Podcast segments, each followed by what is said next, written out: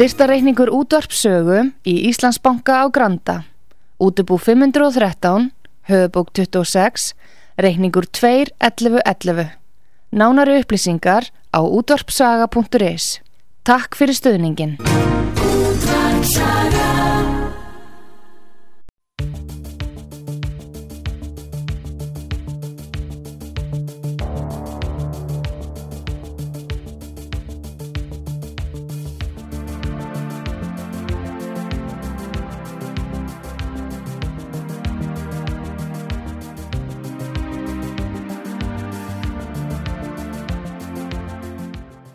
Góður hlustendur, ég heiti Arnar Þór Jónsson og ég sitt hér í hljóðstofu á samt eh, listamanninu Gunnari Kvaran, selláleikara og eh, við Gunnar erum góði vinnir og mér er það sönn ánæg að taka mótónum hérna í stúdíónu og tilefnið fyrir utan það hvað er gaman að tala við Gunnar er að hann nú, hefur nú nýverið gefið út alveg eindislega bók sem heitir Tjáning.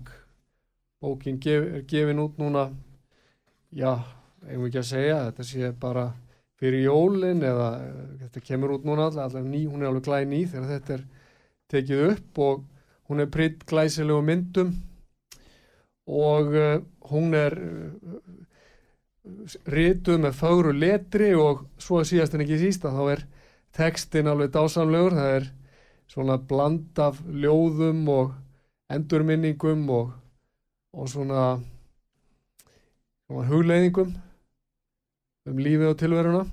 Þannig að þessi bók er, er reynd bara reynd dýrmæti og, og mér er það sannkallað tilhaukur nefni að fá að ræða við Gunnar aðeins um, um hanna og hans líf og störf. Og ég vil bjóða velkomin Gunnar í þennan þátt. Takk að ég kellega fyrir og til, til hamingju með bókina. Takk fyrir.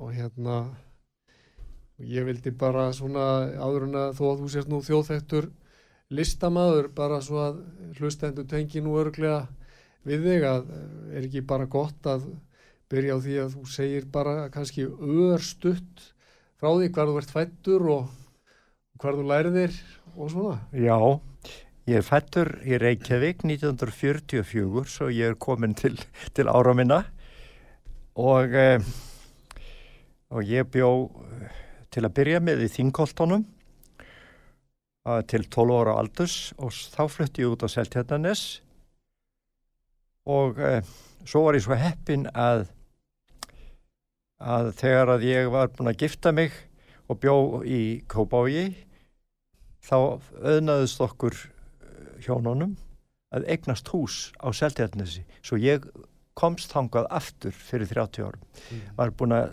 búa í Köpmanahöfn og í Danmörku í 17 ár eh, og kom heim 1980 mm -hmm.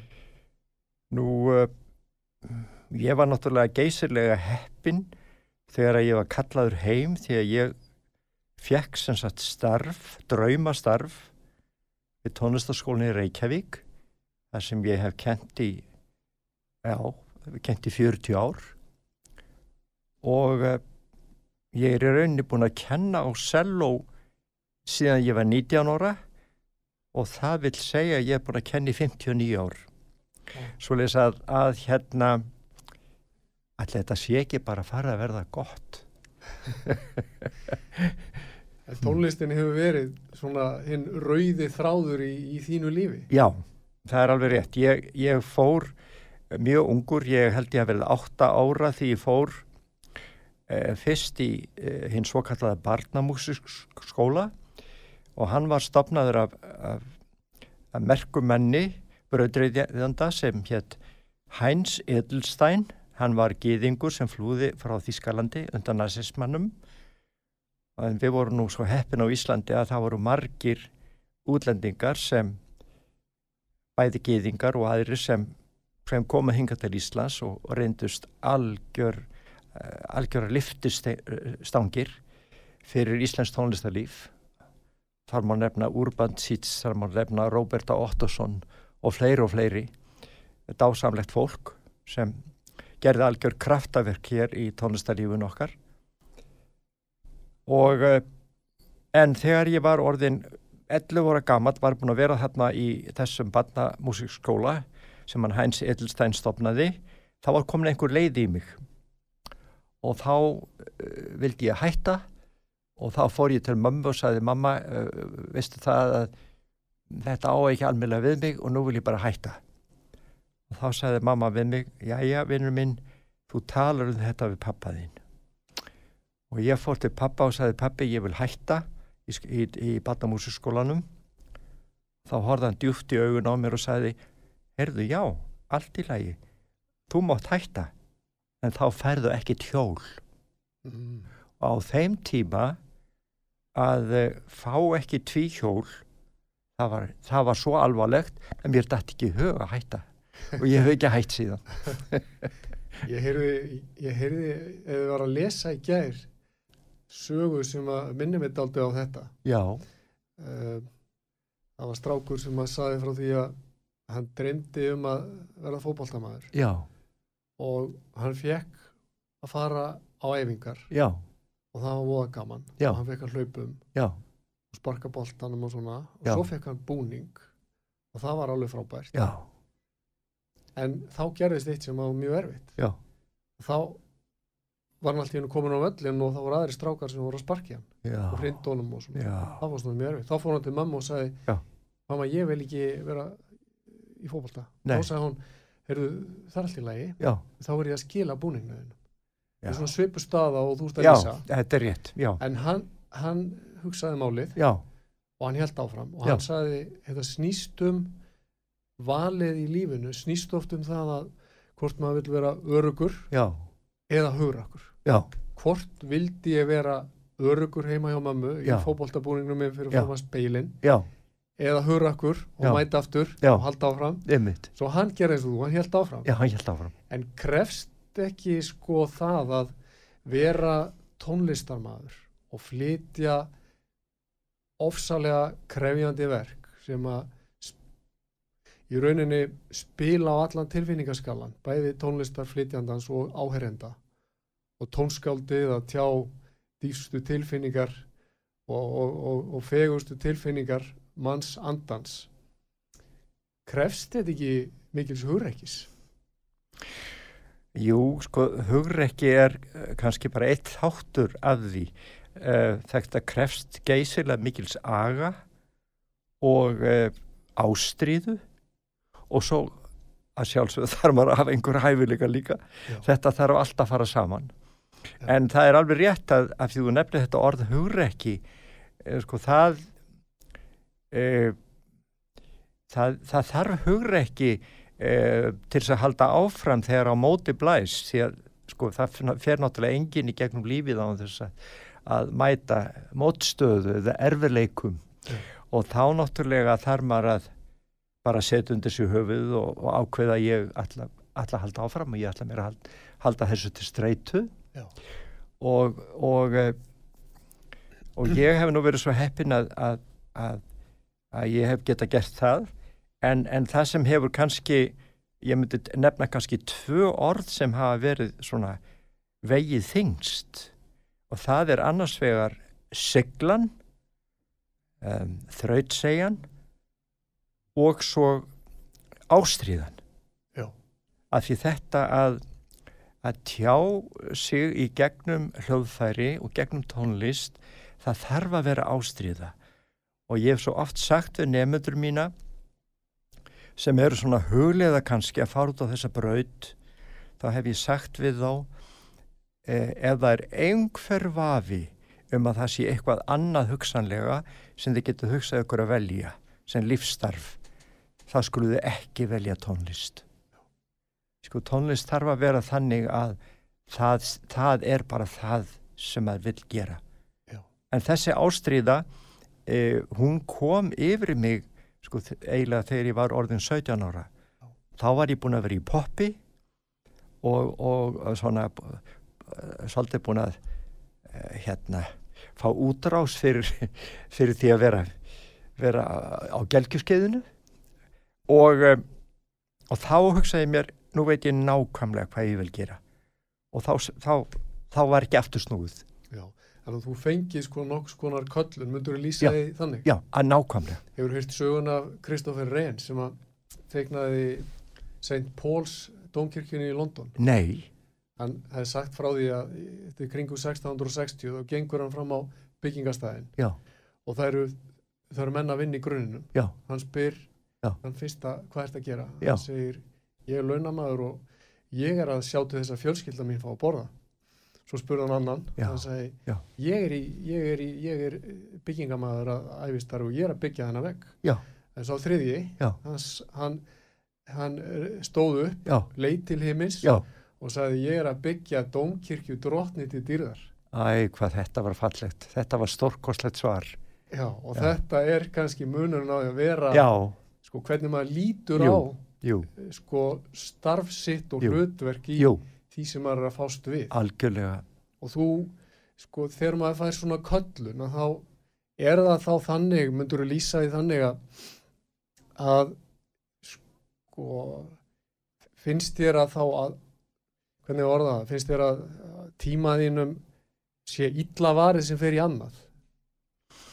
Það myndi ég kannski ekki segja en um, vegna þess að auðvitað er nöðsynlegt að, að fá fjöl, vissan fjölbreytileika.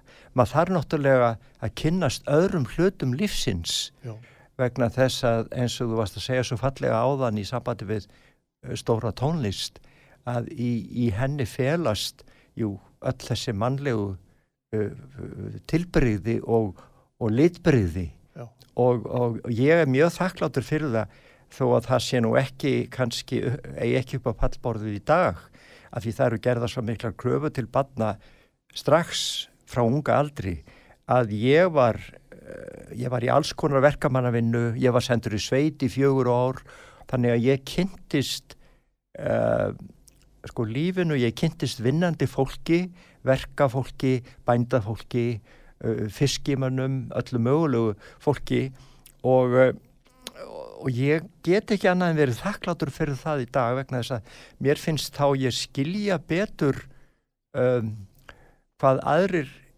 bæði hvað aðrir er að gera og hugsa en líka hvað aðrir sem gera eitthvað allt annað eru mikilvægir í heldinni.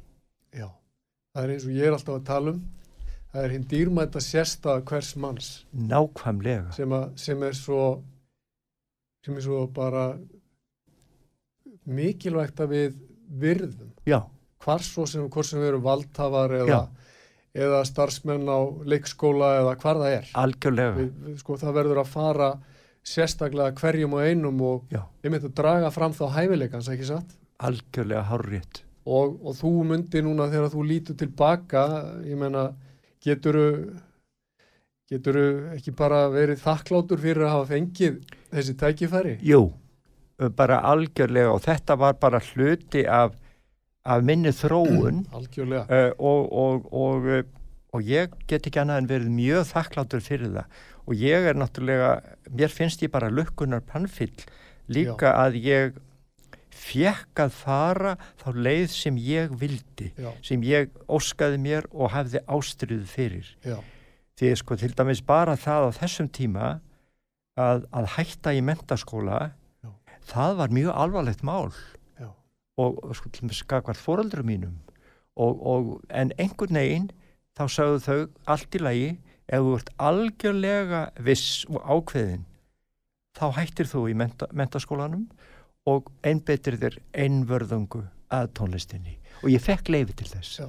En svolítið merkilegt sko að þarna þegar þú tekur þessu ákvörðun þú ert að lýsa eða þú ert samt búin að fá þarna ákveðan lífsreynslu. Já, og öll lífsreynsla lítur að vera dýrmætt fyrir listamann til að geta tólkað og skilið eða hvað? Ég er algjörlega hjartanlega sammálaðir því að uh, sko ég held að þetta sammannlega sé svo mikilvægt í tólkun sko það er náttúrulega það er náttúrulega gífurlegar kröfur í, í, í, í dag gerðar til teknilegar fullkomnunar. Mm, en það þarf meira til. Það þarf að vera þannig að eh, auðvitað, tæknin er dásamlega og hún þarf að vera til staðar. En það þarf helst að vera þannig að tólkunin uh, komið við mannin hitt innra. Að, að, að, að hún ná honum. Já. sko þú getur setja á tónleikum þess að þú hlustar á stórkostlega virtuós spila ó, með ótrúlega fullkominni tekni og þú segir já þetta er alveg ótrúlega þetta skulle vera hægt að gera þetta. Og þú dáist að þessari snilli. Já. en þú ferð ekki endilega út uh, með eitthvað í hjartanu eftir þessa tónleika, ekki endilega. Uh, og svo getur kannski, getur kannski hlustað á tónleika sem, sem eru kannski ekki alveg jafn stórkostlegir tæknilega en þá er einhver boðskapur Mm á bakvið þessa tólkun sem hittir þig í hjartastað. Og, og, og, og, þetta er náttúrulega bara eitthvað líka sem, sem gildir um, um alla um, allt, allt það um, sem allt það sem við eigum sammeilegt bara öll samskipt okkar. Um, þau þurfa helst að fara þannig fram að, að við um, getum gefið hvort öðru eitthvað og ég trúi því svo mikið og stert að, að samskipti eh, við þurfum að rækta þau og vegna þess að öll höfum við eitthvað einstakt að gefa Mm. ef við fáum tækifæri til þess að þróa það Mm. og, og, og, eh, og, og, og ég held að það sé kannski stæsta gjöfin Já. að ef maður tekst að fá að gefa Já. Og ef að manni tekst að fá að rækta sína hæfileika. Rétt. Og, og þetta er þá væntanlega svo stór hluti af lífshamingjunni er að fá að vera maður sjálfur. Algjörlega. Og fá að vinna við það sem að næri mann. Og þá er þetta svo við sem foreldrar og kennarar við þurfum að vera svolítið vakandi yfir þessu já, koma auga á þetta. Algjörlega rétt. Og einhver koma auga á, á þig og, og einhver lítur að hafa kvart þig já, alveg braut. Alveg tímalust jú, jú. Og, og hérna en það var náttúrulega eins og ég segi, sko, það var náttúrulega gífurleg breyting á mínu lífi þegar ég fer utan eh, ég hef aldrei komið til útlanda þegar ég er tvítugur Já. á þessum tíma, sex- 1964 og þá hérna þá var þetta gífuleg breyting en, en og ég er þarna uh, fæ sko stórkostlega snilling sem kennara. Erling Blöndal Bengtsson sem var nú hálfur íslendingur mm. og alveg ótrúlegur snillingur uh, uh, stórkostlegur selvoleikari og ég var svo heppinn vegna þess að ég hafði svo mikinn áhuga á kennslu því ég var byrjaður að kenna áður ég fór út Mm. og þá er ég svo heppinn að þegar ég er búin að vera hjá hann með þrjú ár þá trúir hann mér fyrir því að verða aðstofakennari hjá sér Mm. og þetta var náttúrulega bara þetta var bara guðskjöf Já. að, að, að, að því, svo, að því hann var mikið að ferðast Já. og þá sagði hann, heyrðu, nú sér þú um nefndunar meðan ég er í burtu stundu var þetta kannski tvær vikur Já. og, og þetta náttúrulega þroskaði mig og þróaði mig og sínt er ótrúlega tröst hann sýndir mig gífulega mikið Þú tröst að ég held að það er latnest hugtak sem, eða orðtak sem er svona eitthvað á þess að leið, ég held að sé docendi discimus, það er að segja við með því að kenna, þá lærum við. Þetta er rétt, þetta hefur verið góðu skóli fyrir þig. Geysilega góður skóli alveg geysilega. Og, og, og, en það er eins og við vorum hérna ræðum áður en viðtalið byrjaði að, að það er svona ég trúi svo mikið á handleiðslu Já. og ég trúi svo mikið á að ef maður á annar borð leggur sig fram uh, hvað svo sem það er sem maður er að gera og vandar sig og reynir að nota sína hæfileika þá held ég líka að maður fái hjálp maður sé leittur áfram og þetta Já. er bara orðið handleiðsla sem, sem og þú, þú, það er svolítið gaman að í, í bókinniðinni þá svona, þetta er stef sem að ég greini daldið svona eiginlega sem gegnum gangandi í bókinni. Já, að uh, þú hefur svona, þú treystir já, hérna, hvernig maður orða það ba- bara þú sért leittur áfram Já. til að vinna að því hlutverki sem þér hefur verið falið. Rétt. Og uh, það er svo gaman að fara í gegnum bókina. Þetta er svona, hún snertir á uh, þessu hún snertir á kölluninni þjáningunni, ástinni, fegurðinni trúnni. Og, og veist þetta er, má, má líta á þessa bók í einhverju skilningi sem svona, hvað er maður að segja einhverja tegund af æfisögu eða? Þetta er, þetta, er, þetta er nefnilega mjög hérna, viturlega aðtúað hjá þér. Því að sko ég hef stundu verið spurður að því gegnum árin að því er nú orðin það gammal kall að þá erum við sattið mig herðu uh, hérna, hvað ert að skrifa? Uh, fyrir nokkrum árum. Nei, ég er nú svona bara að skrifa hugleðingar og svona. Mm, eh, hérna ert, eh, vilt ekki skrifa æfusögu þína? Hefur, þá, hefur, hef ég verið spurður.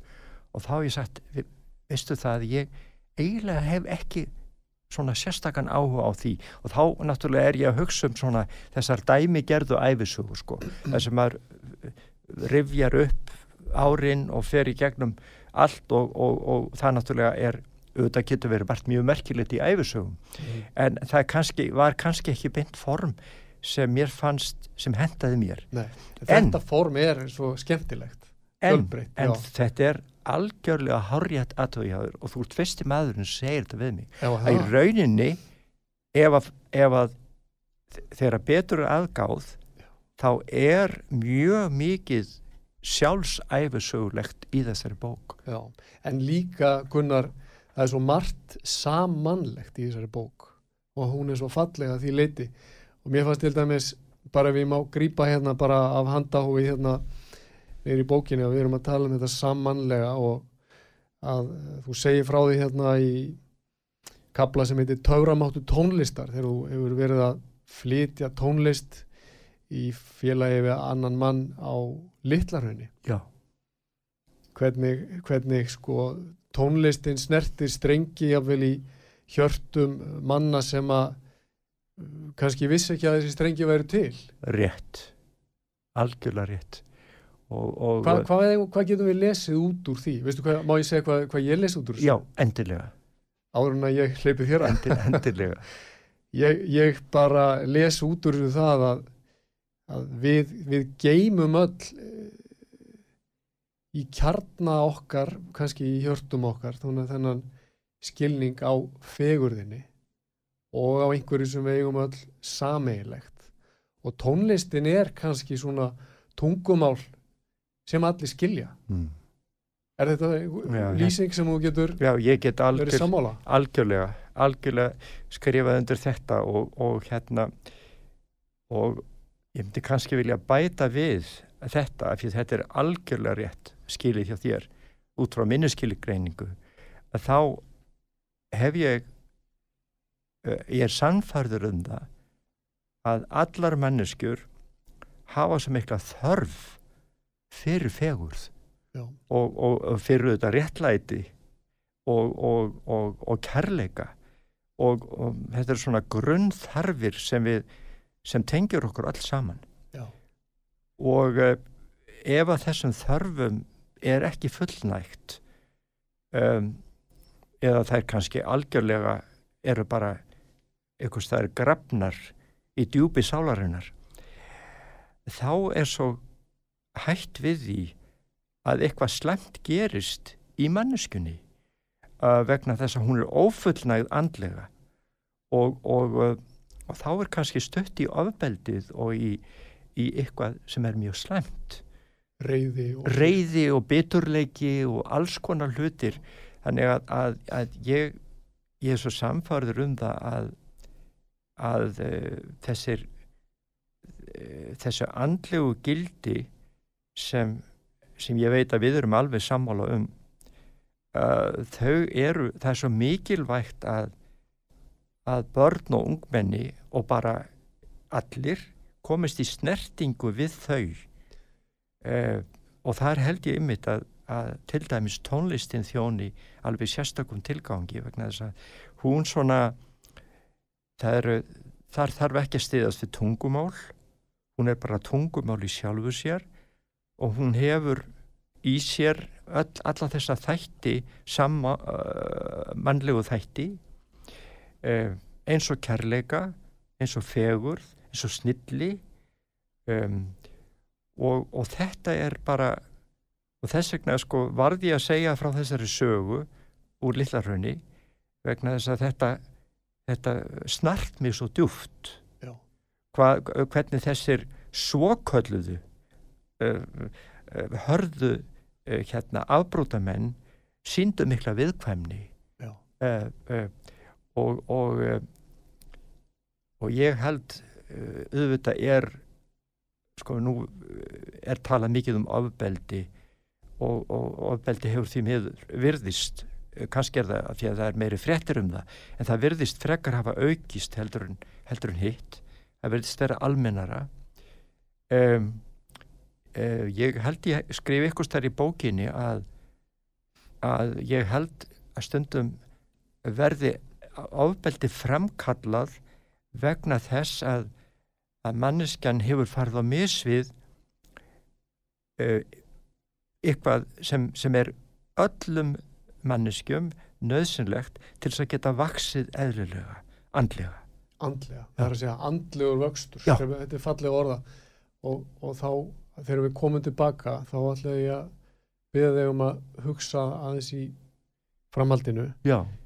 fyrir okkur sem erum ekki gætt hæfileikanum til að tjá okkur í tónlist uh, hvert, hver er leiðin okkar til að, að hjálpa sjálfum okkur og öðrum til þess að, að komast yfir í andlega þroska, til þess að rjúfa þennan þessa brinju og þessa sem er, fólk er búið að setja utanum, utanum hjartað og hérna, hver er leiðin til þess að hjálpa fólki út úr sko, þessum vítarring ofbeldis og, og, og hérna og alls þess neikvæða sem því fylgir?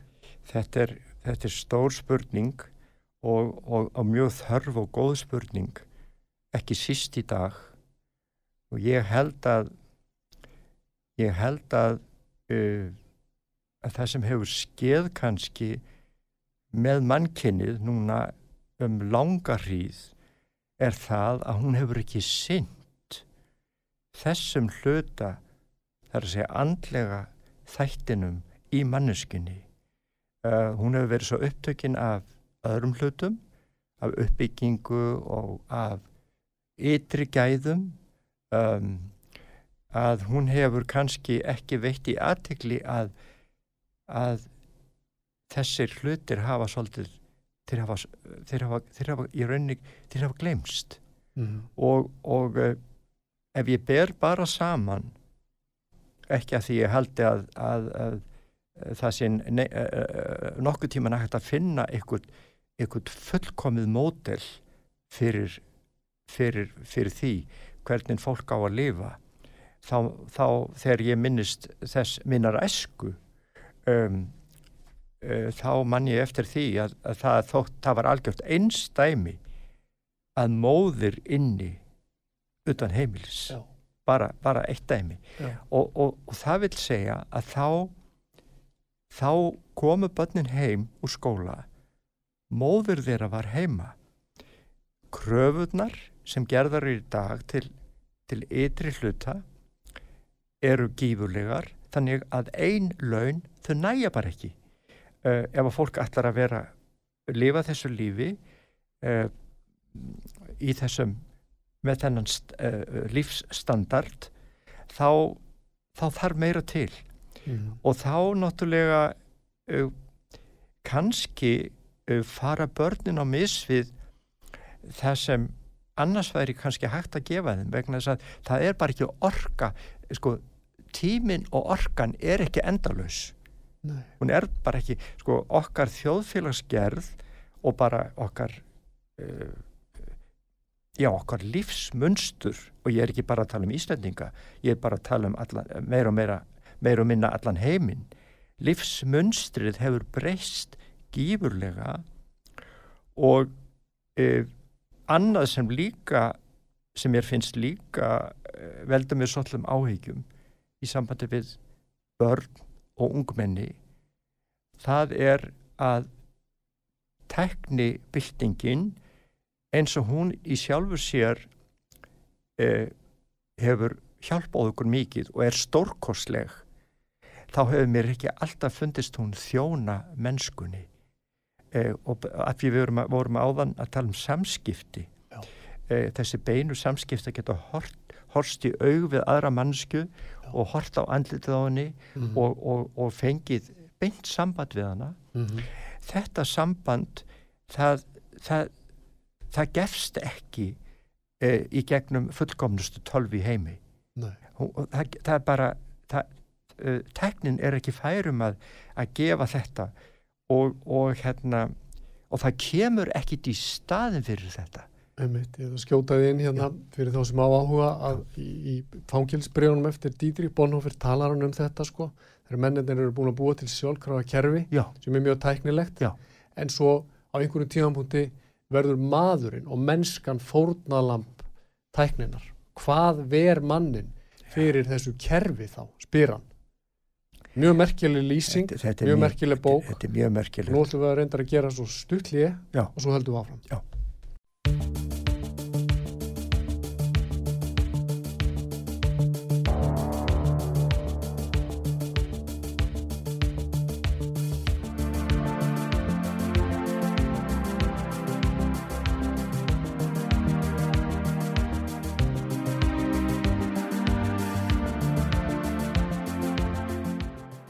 Góðun hlustendur, ég heiti Arnáð Þór Jónsson, ég sitt hér í hljóðveri á samt Gunnari Kvaran, selvoleikara og við erum að ræða um, um lífið og tilveruna en, en uh, tilefnið er sagt, uh, ný bók sem Gunnar gefur nú út fyrir jólinn og heitir Tjáning.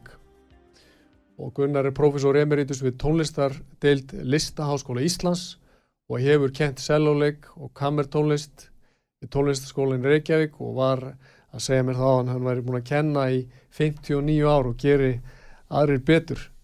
En uh, við erum búin að ræða málinn svo á, á almennu nótum og síðast árun að við gerðum hlið vorum að tala um uh, mennskuna og, uh, og við erum búin að tala um mannsandan og eitt sem ég vildi nefna við ykkurnar er að sko hugtakið frjálsar mentir eða liberal arts eins og það heitir á ennsku sko þetta er sett fram í mentastefnu og því eins og ég skilða ætlaða í rauninni þetta var hugsað þannig að þetta leysa mannin úr viðjum hins jarneska, jarneska og lifta mannsandanum svolítið upp á herra plan. Játt til fegurðarinn eins og þú varst að lýsa því og hérna og uh, hins góða og sanna og fagra. En uh, svo er þetta aldrei merkilegt að vísindin í allri eins merkilegu þau eru þau hafa uh, og tæknin þau hafa sko sett fókusin mjög mikið á það sem er áþrefanlegt og sannanlegt og dreyið þára leiðandi vitundina hugsanlega sko nýður og beint öllu okkar andlega lífi niður á einhvern svona jarðnest lárétt plan. Þegar við ættum ekki síður að vera að hugsa um þetta í svona lóðréttu samhengi. Skilur hvað er að fara? Algjörlega. Já.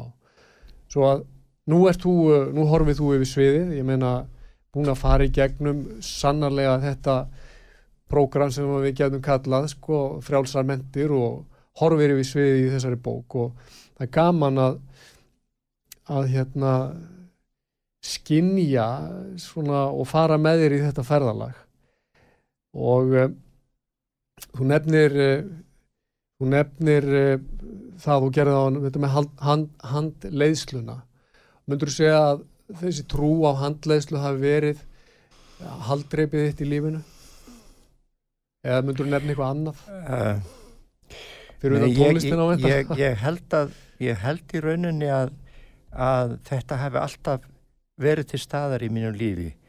Uh, ég er um, ég er fættur trúaður maður og, og hérna og uh, ég trúi á æðri handleyslu ég trúi á, á himnesk helgivöld sem uh, uh, sem eru alltaf tilbúin að rétta okkur hjálpar hönd en þetta eru þessi helgivöld eins og ég skilðu með mínum ófullkomna skilningi þau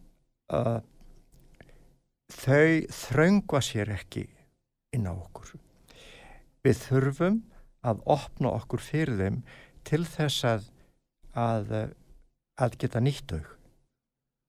Og eh, að því að varst að tala um vísindin, mér fannst þetta svo áhugavert, ég er algjörlega sammálaður því að, að vísindin, sko þegar ég, þegar ég fór að lesa bækur um andleg mál sem úrlingur, það voru gefinu törvört uh, mikið af and, uh, bókum um andleg málefni á íslensku. Það voru, það voru miðlar, það voru, uh, það voru læknar, huglæknar, það var, það var, var mjög mikið, mikil áhersla og mikil, geysilega mikil áhugi á þessum andlegum málum á Íslandi fyrir, ég veist að segja, 40, 50 og 60 árum. Mjög mikil maður sér ekki svona bækur í dag. Það er, það er ekki til. Og ég man eftir því að það var einn maður sem ég kynntist því miður aldrei sem var geysilega merkilegur huglæknir sem hétt Ólafur Tryggvason. Og hann bjó að kuriri og hann læknaði fjölda manna og hann læknaði alltaf í samstarfi við virkilega lækna. Hann leitaði alltaf leitaði til þeirra. Og, og hann gerði bara kraftaverk þessi maður, hann, mm. hann hafði einstaka hæfileika. Hann uh, skrifaði þetta var þetta var maður sem hafði enga, nánast enga mentun hann lærði á eigðaskóla í tvö ár hann ólst upp á sveita heimili, hann fættist árið 1900 og dó 1975 Hann skrifaði sex bækur og eina skaldsögu. Þetta var stórmerkilegu maður. Hann eh, trúði því, þegar hann skrifaði sínar bækur, þá trúði hann því að vísindin myndu í fremtíðinni leggja mun meiri áherslu á að rannsaka andleg fyrirbyrði með manneskunni. Andlega hæfileika og, og, og þýlika hluti.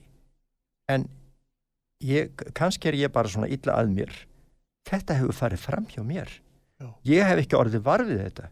Nei. mér hefur fundist að vísindin uh, þau eru náttúrulega að mörguleiti stórkosleg og þeirra afreikur eru stórkosleg en mér finnst að þessi þáttur að, að, að, að kanna hafdjúb sálarinnar hafi ekki verið sérstatt áhuga efni hjá vísundum nútímans.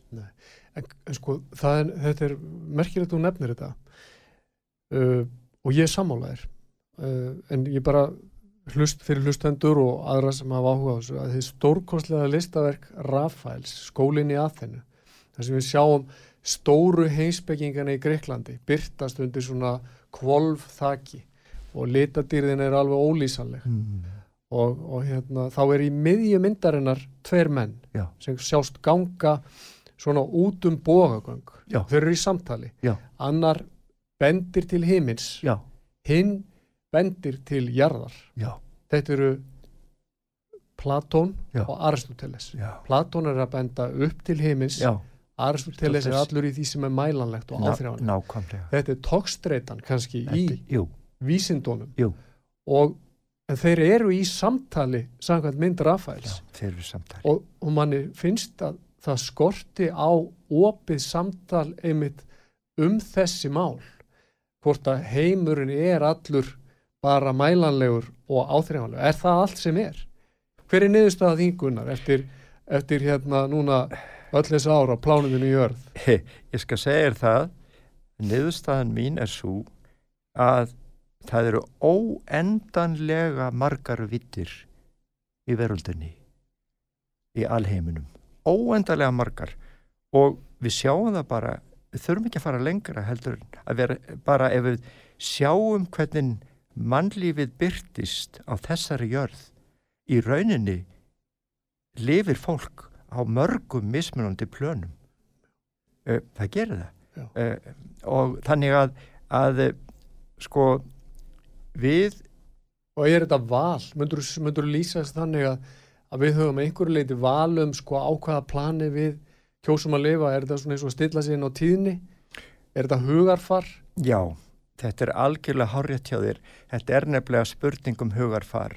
Og, og e, e, e, þetta er bara, þetta er spurning, sko, þetta er pínlítið líkt því eins og að æfa sig á hljóðfæri.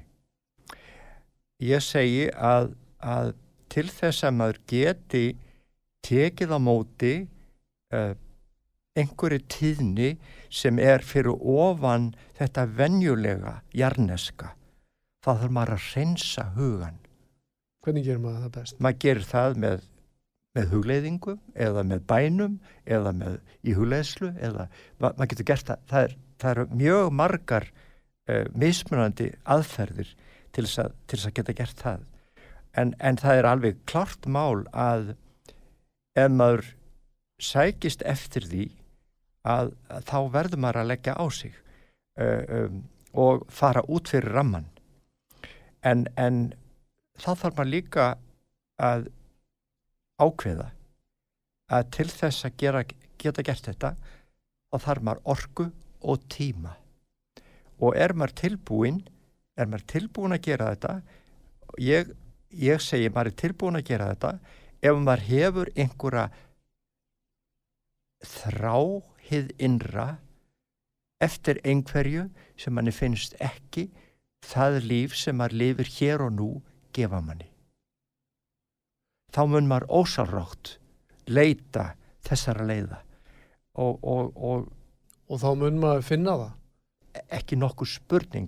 Uh, sko maður finnur aldrei neitt endanlegt Nei. en það er engin vaf á því að manneskjan uh, hún er fær um að lifta sínum anda uh, og komast í samband við tíðninsvið sem sem er kannski ekki uh, algengt uh, svona í, í venjulegu daglegu lífi mm -hmm. en, en ég er ekki að forsmá uh, daglegt líf okkar að yngan veginn eða, eða líta niður á það vegna þess að ég, við höfum ákveðin, við höfum náttúrulega öll þarfir sem þurfa sem við þurfum að uppfylla líkamlega þarfir mm. eins, og fyrir, eins og matur, húsaskjól og öryggi og atvinna og allt þetta uh, þurfum að hafa lækna, þurfum að hafa heilsugesslu, alla þessa hluti. En svo eru þessir hlutir sem eru sem er svo erfitt að skilgreina og, og það er þetta að, að næra andan við getum nært andan að því vorum að tala um tónlist og kannski listir við getum nært andan með því til dæmis, það er ein leið að, að næra andan í gegnum listir, gegnum annarkurt við að yfkaðar eða hlusta eða mhm. lesa mm -hmm. e, þannig að, að ég held að þetta sé sko maðurinn hefur alveg óumræðilega mikið vald til þess að móta sína tilveru geysilega. Okkur er gefin frá, frá því við erum náttúrulega orðinir fullordinn og erum búin að ná vissum þroska, þá er okkur gefið gífurlegt vald til þess að frjálsvilji til þess að velja og hafna. Mm -hmm. Og, og þá, þá hlýtur maður að spyrja sjálfan sig hvað er það sem að raunverulega í hjarta sínu óskar? Er eitthvað sem manni finnst vanta og ef svo er þá verður maður að leita leiða. Mm -hmm. og það eru margar. Um, það er hægt að benda á eina, eina, eina uh, ákveðna leið því að uh, líka eru manneskjöldnar misjafnar. Uh, hjá mér hefur þetta verið farið mjög mikið fram í sambandi við bæn mér finnst bænin hjálpa mér persónlega mjög mikið. Mm -hmm. af því í gegnum hana þá finnst mér ég setja mig í samband við eitthvað sem er mér svo óendarlega miklu aðra og, og bænin tengist líka uh, tónlistariðkun og það, það að tólka tónlist. Það er trúin, bænin og tónlistin. Þetta er allt í, í vinum huga uh, einheild. Samofið en hvernig sko að því að nú er, nú er það hérna, nú skinnja ég það þannig að sko nútíma samfélag snúist það svo miklu leitu um óta það er svo ótadrifið og er ég verið að hugsa út frá bæninni. Já, sko ég er nú bara hérna ekki svona langt komin eins og þú. Við skulum En- ekki segja það. Nei, en ég, ég hugsa um bænina í rauninni sem meðal við ótta. Það hverfur óttin.